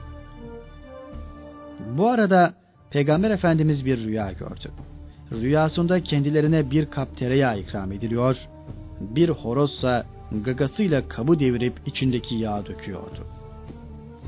Efendimiz rüyasını anlatınca Hazreti Ebu Bekir, Ya Resulallah, sanırım Taifliler hakkında umduğun şeye bugünlerde eremeyeceksin dedi. Peygamber Efendimiz de aynı kanaatteydi. Buna ben de imkan görmüyorum buyurdu. Resul Ekrem Taif'i fethetmenin o anda kendisine nasip olmayacağını artık anlamıştı. Bundan sonraki bekleme vakit kaybetmekten başka bir işe yaramayacaktı. Bu arada ashabına şimdilik kendilerine Taif'i fethetme izni verilmediğini de duyurdu. Bunun üzerine Hazreti Ömer gelerek göç etmeye hazırlanmaları halka duyurulacak mıdır diye sordu. Peygamber Efendimiz evet diye buyurdu. Bunun üzerine Hazreti Ömer Müslümanlara Taif'i terk etme hazırlıklarına geçmelerini ilan etti. Hazreti Ömer o arada bir de Ya Resulullah Sakifliler aleyhinde dua etsen olmaz mı diye sordu. Peygamber Efendimiz Allah onlar aleyhinde dua etmeye de izin vermedi buyurdu. Sonra da siz hemen göç etmeye bakınız diye emretti. Fakat mücahitlerin bir kısmı netice almadan buradan ayrılmak istemiyordu. Hatta Taif'i fethetmeden nereye gideceğiz dedikleri de duyuluyordu. Bu mücahitler gidip Hazreti Ebu Bekir'e başvurdular. Hazreti Sıddık onlara bu işi Allah ve Resulü daha iyi bilir. Emir Resulullah'a gökten gelir diyerek cevap verdi. Bunun üzerine Hazreti Ömerül Faruk'un yanına vardılar.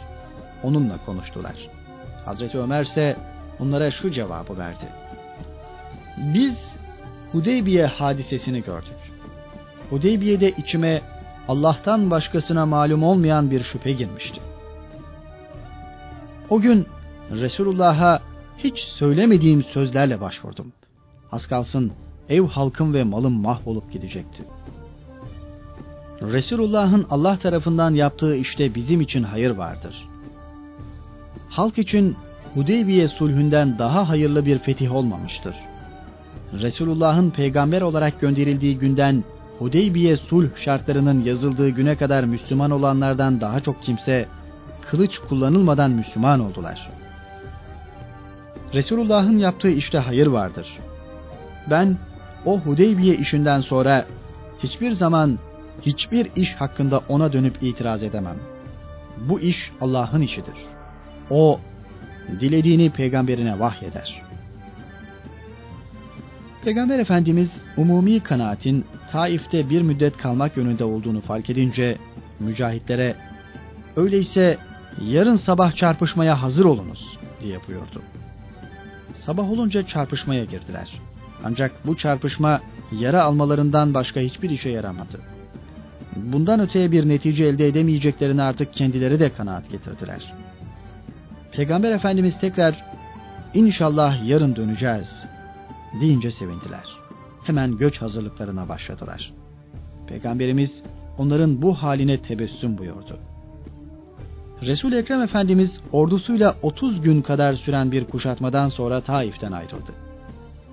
Sakifliler mücahitleri fazlasıyla uğraştırmış, yormuş, yaralamış ve 14 kadar Müslümanı da şehit etmişlerdi. Bu sebeple ayrıldıkları sırada Peygamber Efendimiz'den Sakifliler aleyhinde dua etmesini istediler. Fakat alemlere rahmet olarak gönderilen Peygamber Efendimiz ellerini açarak Allah'ım Sakiflilere doğru yolu göster. Onları bize getir diye dua etti.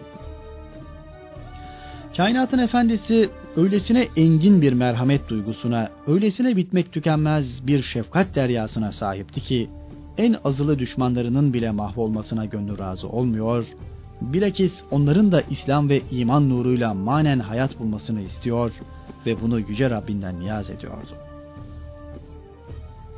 Resul-i Ekrem Efendimiz kuşatmayı kaldırdıktan sonra mücahitlerle birlikte Huneyn ve Evtas'ta alınan ganimetlerin muhafaza edildiği Cirane mevkiine dönmek üzere Taif'ten ayrıldı. Resul-i Ekrem Efendimiz ashabıyla Taif'ten Cirane'ye doğru yol alıyordu. Bu sırada Efendimiz'e doğru birinin yaklaşmakta olduğu fark edildi. Müslümanlar onu tanımadıklarından buna mani oldular. Hatta art niyetli biri olabilir zannıyla sen nereye gidiyor, ne yapmak istiyorsun diyerek üzerine yürümek bile istediler. Müslümanların kendisini Peygamber Efendimiz'e yaklaştırmayacağını anlayınca hicret esnasında Hazreti Ebu Bekir'in kendisi için yazmış olduğu yazıyı iki parmağının arasına alarak kaldırdı. Ya Resulullah, bu benim için yazdığın yazıdır. Ben Süraka bin Cuşum'um dedi. Peygamber Efendimiz onu tanıdı. Bugün verilen sözü yerine getirme ve iyilik yapma günüdür buyurduktan sonra Müslümanlara onu bana yaklaştırınız diye emretti. Efendimizin huzuruna varan Süraka şehadet getirerek Müslüman oldu. Süraka der ki Resulullah'a ya Resulullah kendi develerim için doldurduğum havuzlarımın başı yitirilmiş develer sarsalar havuzumdan onları sulasam bana ecir ve sevap var mıdır diye sordum. Resulullah evet her ciğeri olanı sulamakta insana ecir ve sevap vardır buyurdu. Bundan başka bir şey sormadım. Sonra kavminin yanına vardım. Mallarımın zekatını ayırıp Resulullah'a gönderdim. Yoluna devam eden Efendimiz Cirane mevkine geldi. Mücahitlerin bu çarpışmalarda elde ettikleri ganimet ve esir sayısı oldukça fazlaydı. Esir alınan kadın ve çocuk sayısı altı bini buluyordu. Alınan ganimet malları ise 24 bin deve, 40 bin davar ve 4 bin ukiye gümüştü. Resul-i Ekrem Havazinlilerin gelip Müslüman olabilecekleri ihtimalini göz önünde bulundurarak esirlerin taksimine hemen başlamadı. Bu arada sahabinin birini Mekke'ye göndererek esirler için elbiseler getirtip hepsini giydirdi. On geceden fazla beklediği halde Havazinlilerin gelmediğini görünce esirleri Müslümanlar arasında bölüştürdü. Esirlerin mücahitler arasında taksim edilmesi işi henüz yeni bitmişti ki Havazinlilerden bir heyet çıka geldi ve Peygamber Efendimiz'e Müslüman olduklarını, yurtlarındaki halkın da İslamiyet'i kabul ettiklerini haber verdi. Havazinliler, Resul Ekrem Efendimiz'in süt annesi Halime'nin mensup olduğu kabileydi. Yani Allah Resulüne dadılıkta bulunmuş bir kabileydi. Bunu ileri sürerek kendilerine lütufkar davranılmasını, mal ve esirlerinin geri verilmesini istediler.'' resul Ekrem onlara ben tevbe edip gelirsiniz diye ganimet ve esirleri bölüştürmeyi uzun müddet tehir ettim. Fakat siz artık çok geç kalmış sayılırsınız. Esirleri mücahitler arasında taksim etmiş bulunuyorum. Onları size tekrar iade etmem oldukça zor bir iştir dedi. Bu konuşmasından sonra da onları iki şey arasında serbest bıraktı. İsterlerse mallarını isterlerse kadın ve çocuklarını tercih edeceklerdi. Havaziniler kadın ve çocuklarını tercih edeceklerdi. Bunun üzerine Peygamber Efendimiz hisseme ve Abdülmuttalip oğulları hissesine düşenleri size geri veriyorum buyurdu. Sonra da öğle namazını kıldırdığım zaman ayağa kalkarak biz kadınlarımız ve çocuklarımız hususunda Allah Resulü'nün Müslümanlar nezdinde Müslümanların da Allah Resulü nezdinde şefaatini diliyoruz diye konuşursunuz. Ben de hissemi bağışladığımı tekrarlar, Müslümanların da bağışlamasını isterim diye tavsiyede bulundu. Peygamber Efendimiz öğle namazını kıldırınca Havazinliler yapılan tavsiye üzerine ayağa kalkarak Hz. Resulullah ve Müslümanlardan esirlerinin bağışlanmasını talep ettiler. Resul Ekrem halkın huzurunda yüksek sesle hissesine ve Abdülmuttalip oğulları hissesine düşen esirleri bağışladığını tekrarladı. Bunu duyan muhacir ve ensarın hepsi de kendilerine düşen esirleri bağışladılar. Böylece Resul-i Kibriya'nın mübarek dillerinden dökülen bir iki cümleyle bir anda altı bin civarındaki esir kadın ve çocuk serbest bırakıldı. Bu hadise hem Nebi-i Muhterem Efendimizin engin şefkat ve merhametini göstermek hem de Müslümanların ona mutlak bağlılıklarını aksettirmek bakımından şayanı dikkattir. Resul-i Kibriya Efendimiz Havazinlilere kadın ve çocuklarını geri verdikten sonra Malik bin Avf ne yapıyor diye sordu. Havazin temsilcileri kaçıp Taif kalesine sığındı. Şimdi Sakiflilerin yanında bulunuyor dedi. Bunun üzerine Peygamber Efendimiz ona haber veriniz ki eğer Müslüman olur yanıma gelirse kendisine ev halkını ve malını geri verir, ayrıca da yüz deve ihsan ederim buyurdu. Heyet haberi kendisine götürünce Malik çıkıp Hazreti Resulullah'ın huzuruna geldi ve Müslüman oldu. Resul Ekrem vaat ettiği şekilde hem kendisine malını ve aile halkını teslim etti hem de yüz deve ihsanda bulundu. Resul-i Kibriya Efendimiz yüz deve ihsanından başka düne kadar en şiddetli düşmanı olan Malik bin Avf'ı kabilesinden Müslüman olanlar üzerine bir de vali tayin ederek taltif etti. İnsanları güzel davranışları, tatlı sözleri ve bol bol ihsan ve iltifatlarıyla gönülden fetheden Efendimizin bu ihsanı karşısında Malik bin Avf'ta İnsanlar arasında Muhammed'in bir benzerini şimdiye kadar ne görmüşüm ne de işitmişim. Kendisinden ihsan edilmesi istenildi mi fazlasıyla verir. İstediğin takdirde yarın meydana gelen hadiselerden de sana haber verir. Diyerek gönlünün fethedildiğini ifade etti. Bir ay kadar önce Müslümanlara karşı büyük bir ordu hazırlamış olan Malik bin Avf, o andan itibaren İslam'ın emir ve hizmetindeydi. Esirlerin sahiplerine iadesinden sonra Resul Ekrem Efendimiz ganimetlerin taksimine başlayacaktı. O sırada Bedevilerden bir kısmının Ya Resulullah deveden davardan ganimetlerimizi bölüştür diyerek Efendimiz'i rahatsız ettikleri ve ridasından çekiştirdikleri görüldü. Bedeviler o derece ileri gittiler ki Efendimiz bir ağaca dayanmak zorunda kaldı. Bu hareket karşısında kainatın efendisi siz Allah'ın size nasip ettiği ganimeti aranızda bölüştürmeyeceğimi mi zannediyorsunuz? Vallahi ganimet malları Tihame'nin ağaçları sayısınca bile olsaydı hiçbir cimrilikte ve korkaklıkta bulunmadan onları aranızda bölüştürürdüm diye konuştu. Sonra da eline bir deve tüyü alıp herkesin görebileceği şekilde parmakları arasında tutarak kaldırdı. Ve ey insanlar! Vallahi sizin ganimetinizden beşte bir dışında bana şu tüy kadar bile geçmiş bir şey yoktur. Beşte bir pay da gerektiğinde yine sizlere harcanıyordur buyurdu. Bundan sonra ganimet mallarını saydırdı ve herkesin hissesine düşeni dağıttırdı. Cirane'de bulunan İslam ordusunda Mekke'nin fethi günü Müslüman olmuşlardan 2000 kadar yeni iman etmiş kimselerin yanında henüz İslam'la şereflenmemiş Mekke ileri gelenlerinden birçok kimse vardı. Yeni iman etmişlerin imanlarının sabitleştirilmesi, imandan mahrum bulunanlarınsa İslam'a gönüllerinin ısındırılması için Peygamber Efendimiz bir usule başvurdu. Bilindiği gibi ganimetin beşte biri Peygamber Efendimizin tasarrufundaydı. Beytülmal namına alınan beşte birden istediği ve lüzum gördüğü yere sarf edebilirlerdi. İşte az önce zikrettiğimiz sebep ve gayeye binaen yeni Müslüman olmuşları memnun etmek ve Müslümanlığa henüz pek ısınmamış Kureyş ileri gelenlerinin gönlünü İslam'a ısındırmak için beşte bir ganimetten onlara fazlaca verdi. Kureyş reisi Ebu Süfyan'a oğlu Yezid ve Muaviye'ye yüzer deve ve kırkar ukiye gümüş ihsanında bulundu. Böylece Ebu Süfyan ve oğulları toplam 300 deve ve 120 ukiye gümüş almış oluyorlardı.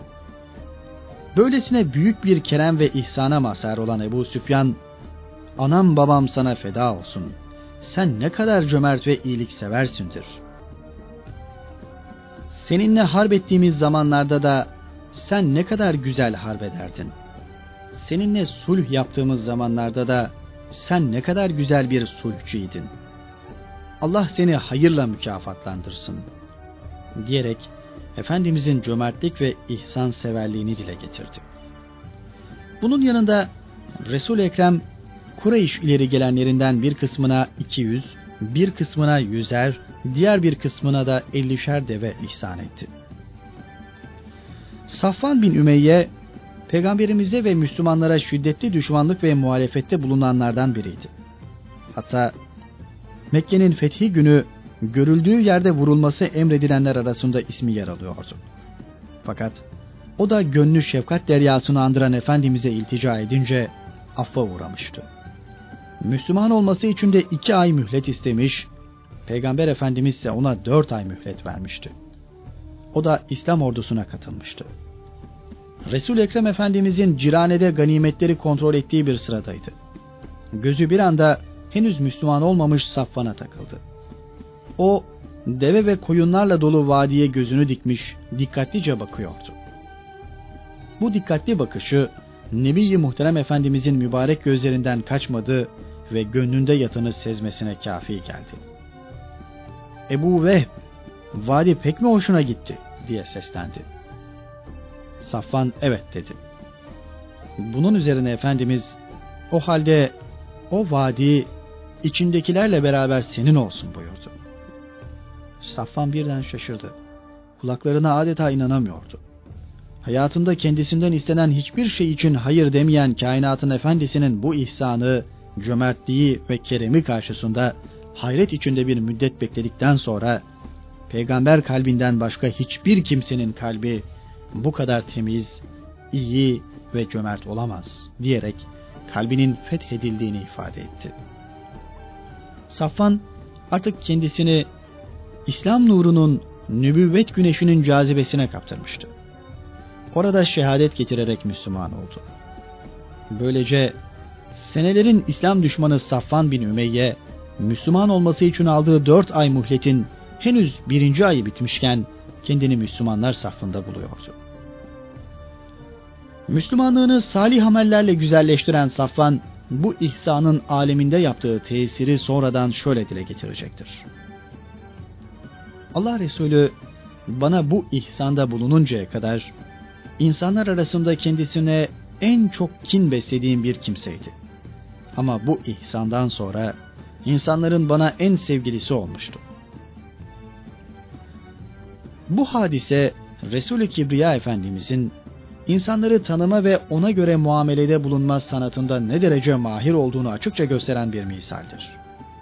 İnsanları kazanmada bazen bir iltifatı, bazen bir tatlı sözü, bazen bir tebessümü, gülümsemesi, bazen güzel bir hareketi ve bazen de bir ihsanı yetiyordu. Onun bu ciheti bile başlı başına bir tetkik konusu teşkil eder.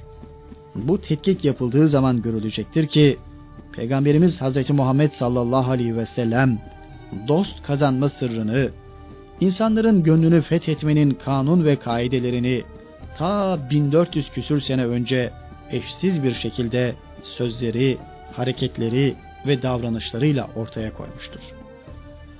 Bir bakış, bir işaret, bir söz, bir tebessüm, bir hareketle insanları kendine musahhar edebilmek, insanoğlunun örnek alması gereken bir haslet-i nebevidir.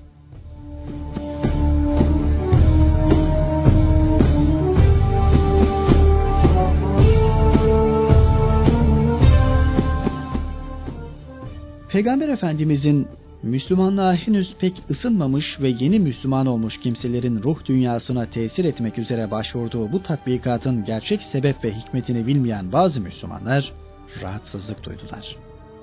Onlar bu hareketle Müslüman olmamış veya yeni Müslüman olmuşların kendilerine tercih edildiği, adeta kendilerinden üstün tutulduğu zannına kapılmışlardı.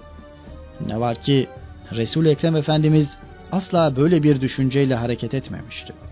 Nitekim tasarrufunda hür olduğu beşte bir hisseden müellefe-i kuluba bol ihsanda bulunduğu sırada huzurlarına asaptan Sa'd bin Ebi Vakkas çıkmış ve Ya Resulullah Cuail bin Süraka dururken siz tutup Uyeyne bin Hısın ve benzerlerine yüzer deve verdiniz demişti.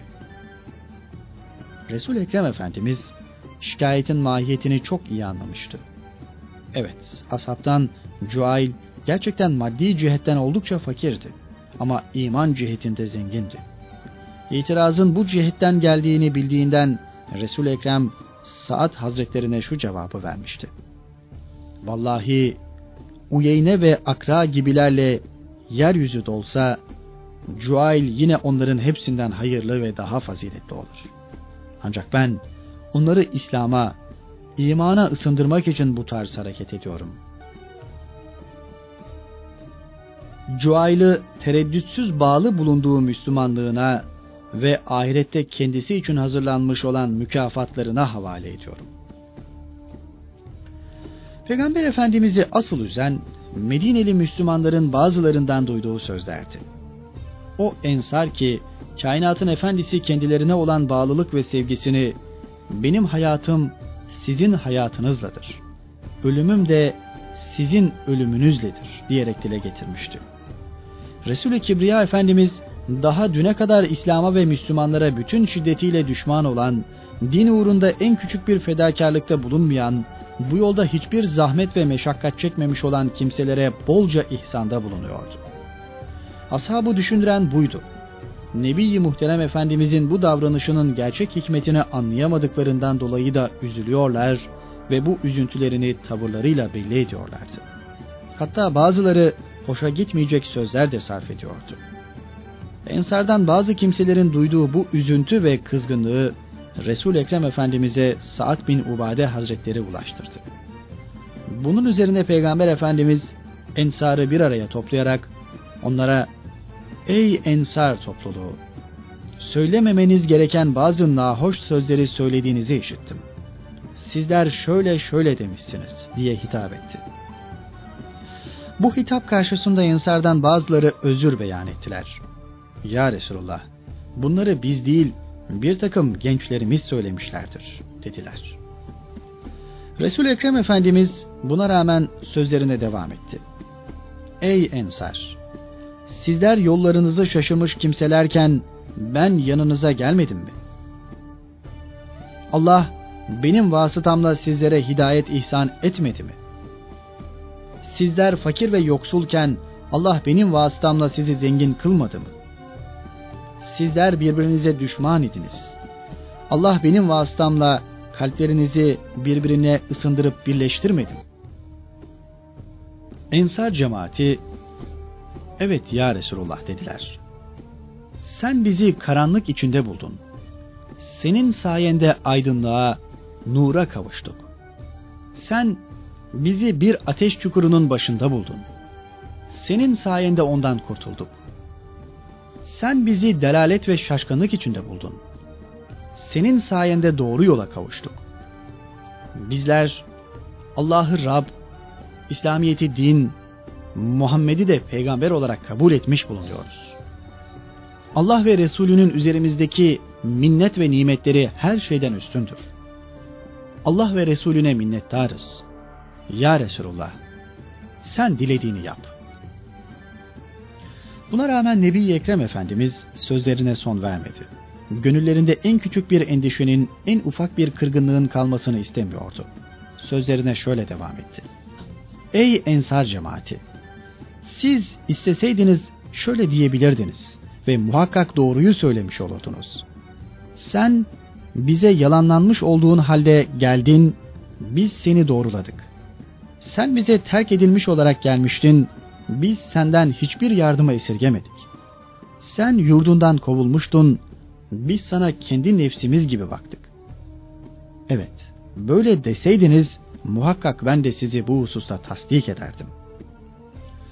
Karşılıklı bu konuşmalardan sonra Resul Ekrem Efendimiz asıl söylemek istediğini şu veciz ve müessir cümlelerle ifade etti. Ey ensar cemaati! Bazı insanlar elde ettikleri dünyalıklar, develer, koyunlarla çıkıp giderlerken sizler Allah Resulü ile beraber yurdunuza dönmeye razı değil misiniz? Medineli Müslümanlar bu soruya haykırarak evet ya Resulullah biz buna razıyız cevabını verdiler. Bu cevap üzerine Peygamber Efendimiz mana alemlerini bir anda değiştiren hitabesini şöyle bağladı. Muhammed'in varlığı kudret elinde olan Allah'a yemin ederim ki eğer hicret fazileti olmasaydı ensardan bir fert olmayı arzu ederdim. Allah'ım ensarın oğullarına, onların da oğullarının oğullarına acı ve merhamet et. Fahri Kainat Efendimizin bu samimi, bu muhabbet ve sevgi dolu sözleri karşısında Medineli Müslümanlar kendilerini tutamayarak hıçkıra hıçkıra ağladılar. Öyle ki gözlerinden akan yaşlar sakallarını ıslattı. Artık kesin kararlarını vermişlerdi. Biz ganimet boyu olarak Resulullah'a razıyız. Başka hiçbir şey verilmezse bile. Eşsiz bir ganimet hissesi. Cenab-ı Hak sevgili Resulüne işte böylesine müstesna bir ikna kabiliyeti ihsan etmişti. Bir taraftan en şiddetli düşmanlarını ruhlara tesir eden sözleriyle İslam'ın sinesine celbederken, diğer taraftan dostlarının kendisine karşı duydukları kırgınlıkları da bir çırpıda bir tek hitabesiyle giderebiliyordu. Zilkade ayının bitmesine 12 gün kalmıştı. Nebi Ekrem Efendimiz Cirane'de bulunduğu zaman zarfında içinde namazlarını eda ettiği mescide girerek orada namaz kıldı. Duada bulundu. Sonra da umre için ihrama girdi. Daha sonra Cirane'den ayrılarak ashab-ı kiramla gece Mekke'ye girdi. Yol boyunca telbiye getiren Efendimiz Beytullah'ı görünce telbiyeyi kesti. Sabahleyin ashabıyla birlikte Kabe-i Muazzama'yı tavaf etti. Sonra da Safa ve Merve arasında sahi yaptı. Sayin yedinci devresinde Merve yanında başını tıraş etti. Bu umrede Efendimiz kurban kesmedi. Resulü Kibriya Efendimiz artık Medine'ye dönmek niyetindeydi. Bunun için daha önce Mekke valiliğine tayin ettiği Attab bin Esi de aynı vazifeyi tekrar verdi. Muaz bin Cebel Hazretlerini de İslam'ı anlatmak ve Kur'an'ı öğretmek üzere orada bıraktı. Bundan sonra Mekke'yi mükerremeden yola çıktı. Zilkade ayının bitmesine birkaç gece kala Medine'yi Münevvere'ye kavuştu.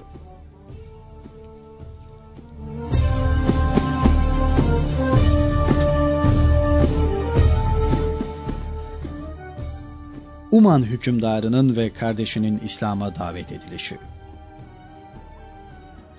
Peygamber Efendimiz Mekke'nin fethi ve Huneyn muzafferiyetinin verdiği sevinç ve huzur içinde ashabıyla Medine'ye dönmüştü. Şirkin beli kırılmış, kabileler dalga dalga İslam nuruna koşmuşlardı.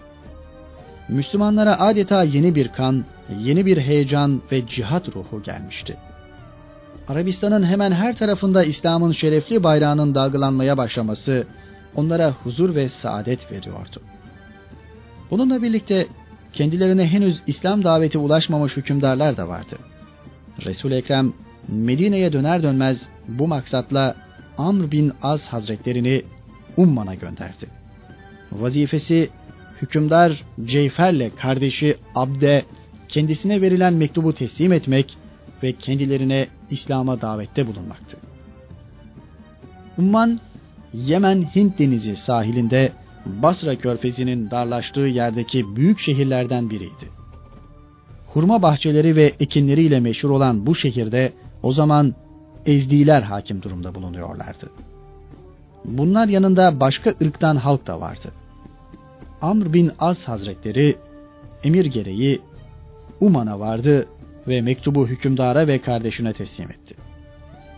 Açılan mektupta Hazreti Resulullah'ın kendilerine şöyle hitap ettiğini gördüler. Bismillahirrahmanirrahim. Allah'ın Resulü Muhammed bin Abdullah'tan Cülenda'nın oğulları Ceyfer ve Abde. Hidayete uyanlara, doğru yolu tutmuş olanlara selam olsun. Bundan sonra derim ki, ben her ikinizi İslam'a davet ediyorum. Müslüman olun ki selamete eresiniz.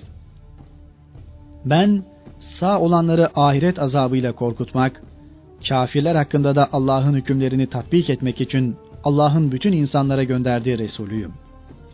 Eğer İslam'ı kabul ederseniz hükümdarlığınız size baki kalacaktır.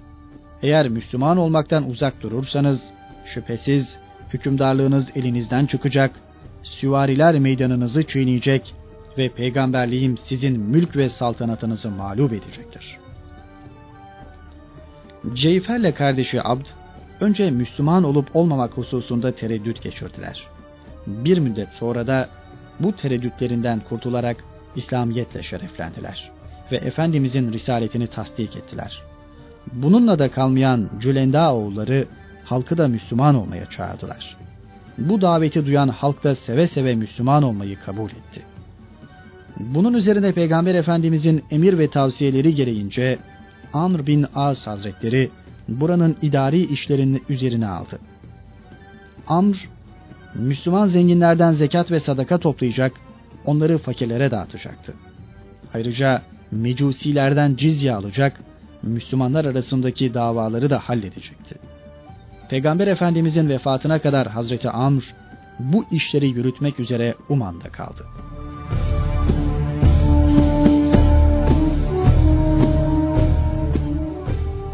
Bahreyn hükümdarının Müslüman oluşu. Hicretin 8. senesi Zilkade ayı sonları. Peygamber Efendimiz İslam'a davet etmek üzere Ala bin Hadremi'yi bir mektupla Bahreyn hükümdarı Münzir bin Sava'ya gönderdi. Ala bin Hadremi'ye birlikte Hazreti Ebu Hüreyre de bulunuyordu.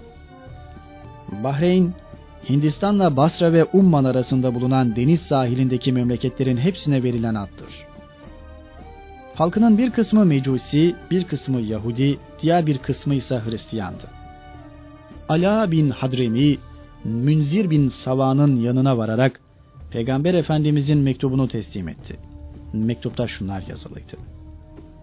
Bismillahirrahmanirrahim. Hidayete uyanlara selam olsun. Ben seni İslam'a davet ederim. Müslüman ol, selamete er. Allah iki elinin altında bulunan hükümdarlığını yine sende bırakır. Şunu da bilmiş ol ki, benim dinim develerin ve atların gidebilecekleri yerlere kadar uzanacak, hakim olacaktır. Ala bin Hadremi ile aralarında geçen kısa bir konuşmadan sonra Münzir bin Sava, Mecusi din başkanı Sibuht'la birlikte Müslüman oldu. Böylece Münzir, dünya saltanatı yanında uhrevi saltanatı da temin edecek imanı elde ediyordu. Hükümdar ve dini reisle birlikte halktan birçok kimse de İslam'la şereflendi. Hükümdar Münzir, Peygamber Efendimiz'e bir mektup gönderdi. Müslüman olduğunu, peygamberliğini de tasdik ettiğini bildirdikten sonra, Müslüman olmayanlar ve ülkesinde bulunan mecusilerle Yahudiler hakkında nasıl davranması gerektiğini soruyordu. resul Ekrem Efendimiz, Münzir'in bu mektubuna şu cevabı verdi. Bismillahirrahmanirrahim. Muhammed Resulullah'tan Münzir bin Sava'ya. Allah'ın selamı üzerine olsun. Ben sana olan hidayet nimetinden dolayı ondan başka ilah bulunmayan Allah'a hamd ederim. Allah'tan başka ilah bulunmadığına ve Muhammed'in de Allah'ın kulu ve Resulü olduğuna şehadet ederim. Mektubunu aldım. Okutup içindekileri dinledim. Sana yüce Allah'ı onun emir ve yasaklarına göre hareket etmeni hatırlatırım. Muhakkak ki nasihat eden kimse onunla kendisi de nasihat almış, sevabından istifade etmiş olur. Elçilerime itaat eden ve onların emirlerine riayet eden kimse bana itaat etmiş sayılır. Onları öğütleyen, dinleyen beni dinlemiş olur. Elçilerim seni bana övdüler ve hayırla andılar. Senin kavmin hakkındaki şefaat ve iltimasını kabul ettim. Onlardan Müslüman olanları Müslüman oldukları şeylere göre bırak. Günahkar olanların geçmişteki suçlarını geç, onları geçmişte işlediklerinden mesul tutma. Şunu bilmiş ol ki seni iyi davrandıkça işinden uzaklaştırmayız. Vekilimiz olarak orada kalırsın. Yahudilik ve mecusiliklerinde devam etmek isteyenlere gelince onları cizyeye bağlarsın. Selam ve Allah'ın rahmeti üzerine olsun. Peygamber Efendimizin muhtelif tarihlerde Münzir bin Sava'ya birkaç mektup daha gönderdiği ve Münzir'in ise bunlara cevap verdiğini de burada kaydetmiş olalım. Resul-i Ekrem Efendimizin emri gereğince Ala bin Hadremi burada kaldı ve Müslüman olanlardan öşür, müşriklerdense cizye almakta devam etti. Yine hicretin 8. yılında etraf kabilelerden birçok heyet Medine'ye gelerek Müslüman olduklarını Hazreti Resulullah'ın huzurunda izharda bulundular.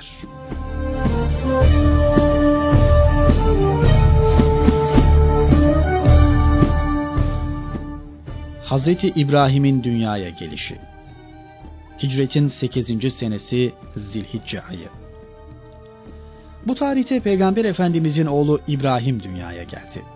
Hazreti Mariye'den olan Hazreti İbrahim, Peygamber Efendimizin en son evladıydı. Medine'nin yukarı tarafında Avali diye anılan kısımda annesine tahsis edilen bir hurma bahçesindeki evinde hayata gözlerini açan Hazreti İbrahim'in doğum müjdesini Peygamber Efendimiz'e oğluna ebelik vazifesini yapan Selma Hatun'un kocası Ebu Rafi getirdi. Bu mesut hadisenin müjdesinden fazlasıyla memnun olan Peygamberimiz Ebu Rafi'ye de bu ismi şöyle açıkladı. Ona ceddim İbrahim'in ismini koydum. Emzikli ensar kadınları Hazreti Resulullah'ın evladını emzirme bahtiyarlığına ermek için adeta birbirleriyle yarışır gibiydiler. Sonunda Resul Ekrem Efendimiz Nur Topu evladını Ümmü Bürde Havle binti Münzir'e emzirmek üzere teslim etti. Bu vazifeyi üzerine almasından dolayı da Ümmü Bürde Havle'ye bir hurmalık tahsis etti. Hz. İbrahim vefatına kadar süt annesi Ümmü Bürde Havle'nin yanında kaldı.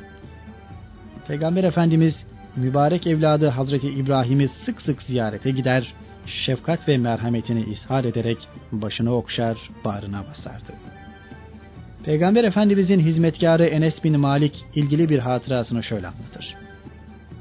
Ben ev halkına Resul-i Ekrem'den daha şefkatli, daha merhametli davranan kimse hayatımda görmedim. İbrahim Medine'nin avali kısmında süt annesinin yanında bulunurken peygamberimiz onu görmeye gider, biz de beraberinde bulunurduk. İbrahim'in süt babası Ebu Şeybe Bera bin Evs demirciydi.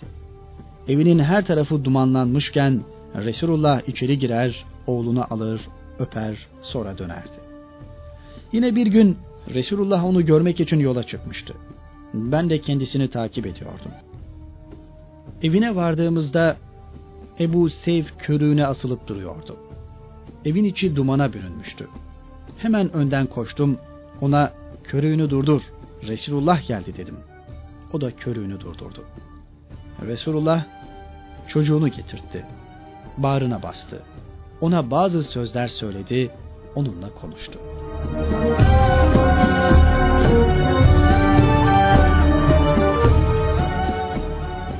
Şair Kaab bin Züheyr'in Müslüman olması Kaab bin Züheyr büyük bir şairdi.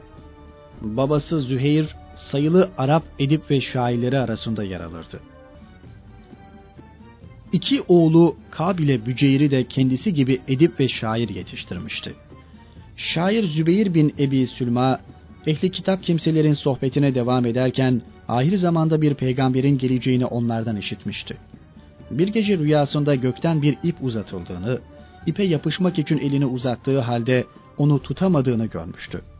Bu rüyasını ahir zamanda gelecek olan peygambere kendisinin yetişemeyeceğine yormuştu.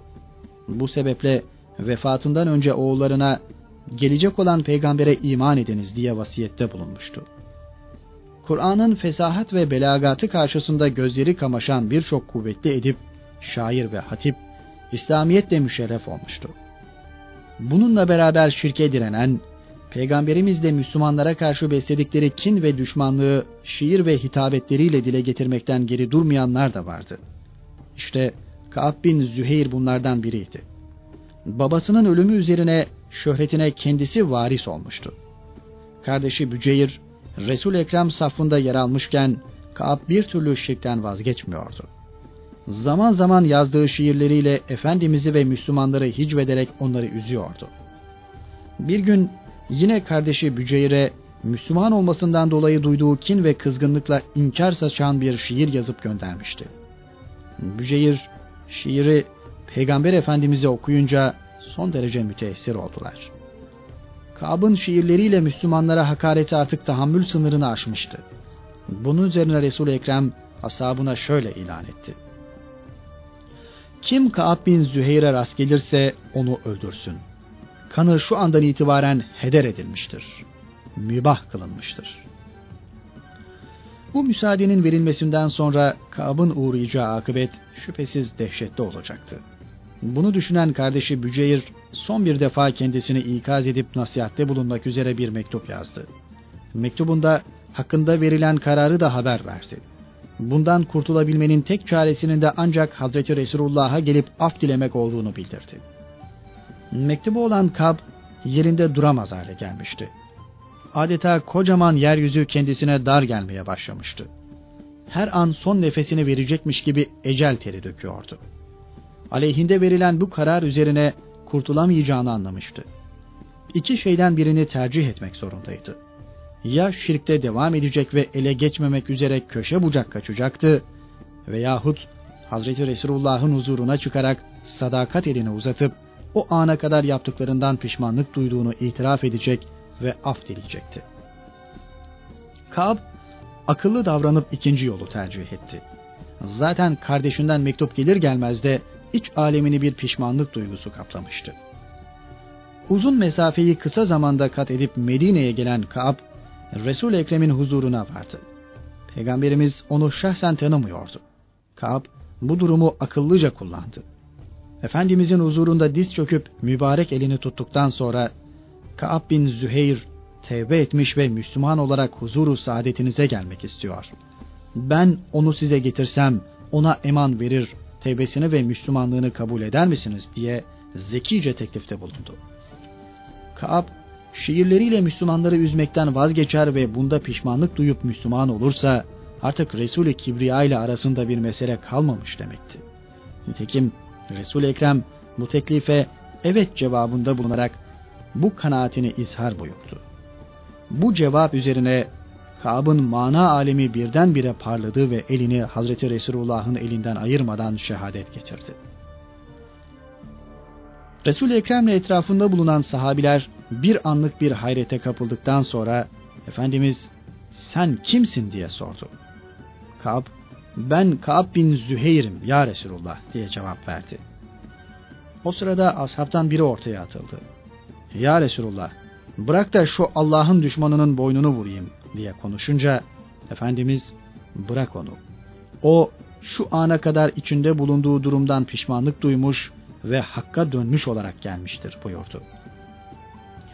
Gönül ülkesi İslam'ın manevi kılıcıyla fethedilen Kaab hemen o anda Arap edebiyatında şaheser parçalar arasında yer alan Banet Suadü isimli kasidesini Hz. Resulullah'a sundu.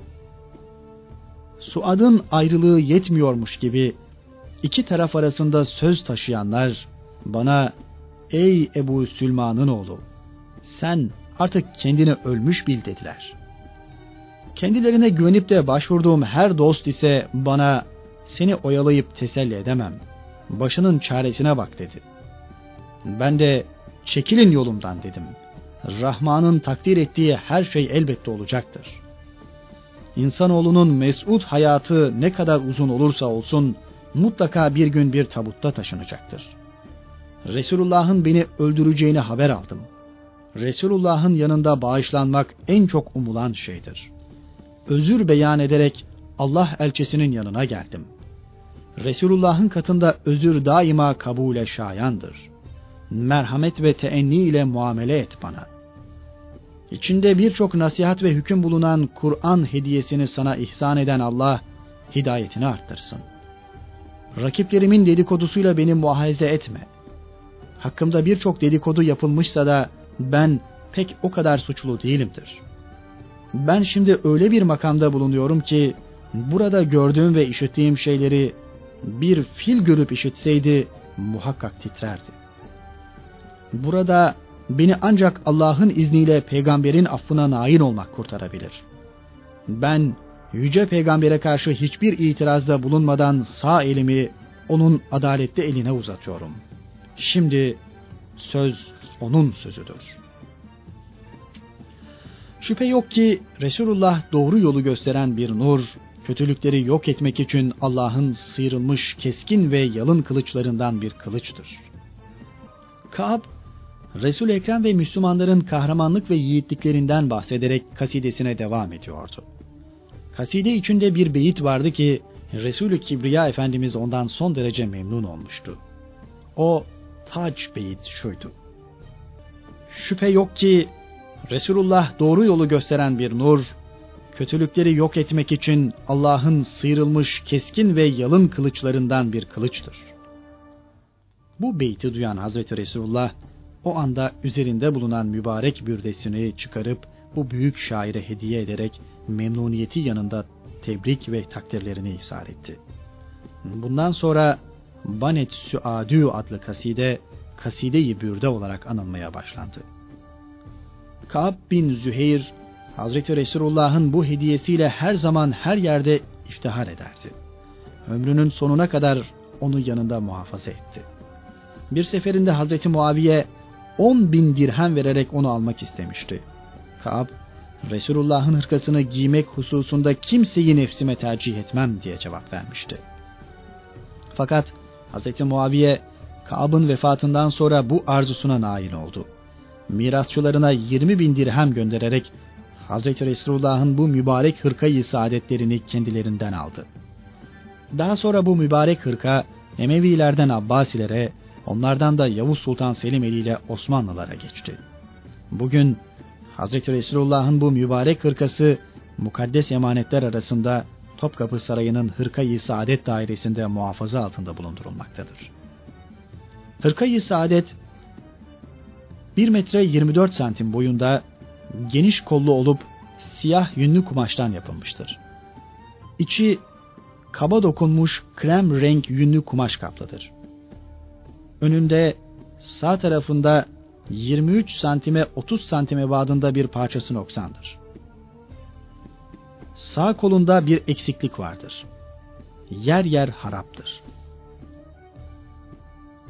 Hırkayı saadet müteaddit bohçalara sarılmış olduğu halde 57 santime 45 santim ve 21 santim ebadında üstten açılır çifte kapaklı altın bir çekmece içindedir.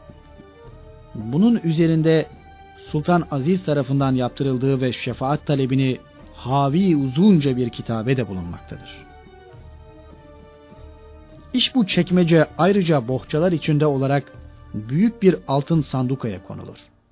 Bu da Sultan Aziz tarafından yaptırılmış olup üzerinde La ilahe illallah ve ma erselnake illa rahmeten lil alemin. La ilahe illallah el melikül hakkül mübin Muhammedin Resulullah sadıkul vadil emin yazılıdır. Dört ayaklı kaidesi de altın kaplamalıdır. Topkapı Sarayı Müzesi Sabık Müdürü Tahsin Öz, daha sonra kitabında şu satırlara yer verir.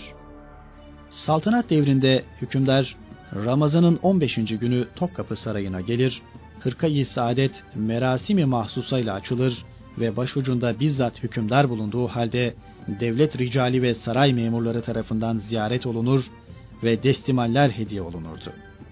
Bilahare saray kadınları da ziyaret ederlerdi. Hırkayı Saadet'in baş muhafızı hükümdar olup onun gaybutbetinde bu vazife Tülbent ağasına aitti. Hırkayı Saadet Hademe Teşkilatı Topkapı Sarayı müze haline intikal edinceye kadar 3 Nisan 1924 gününe kadar aynı anane ile devam etmiştir.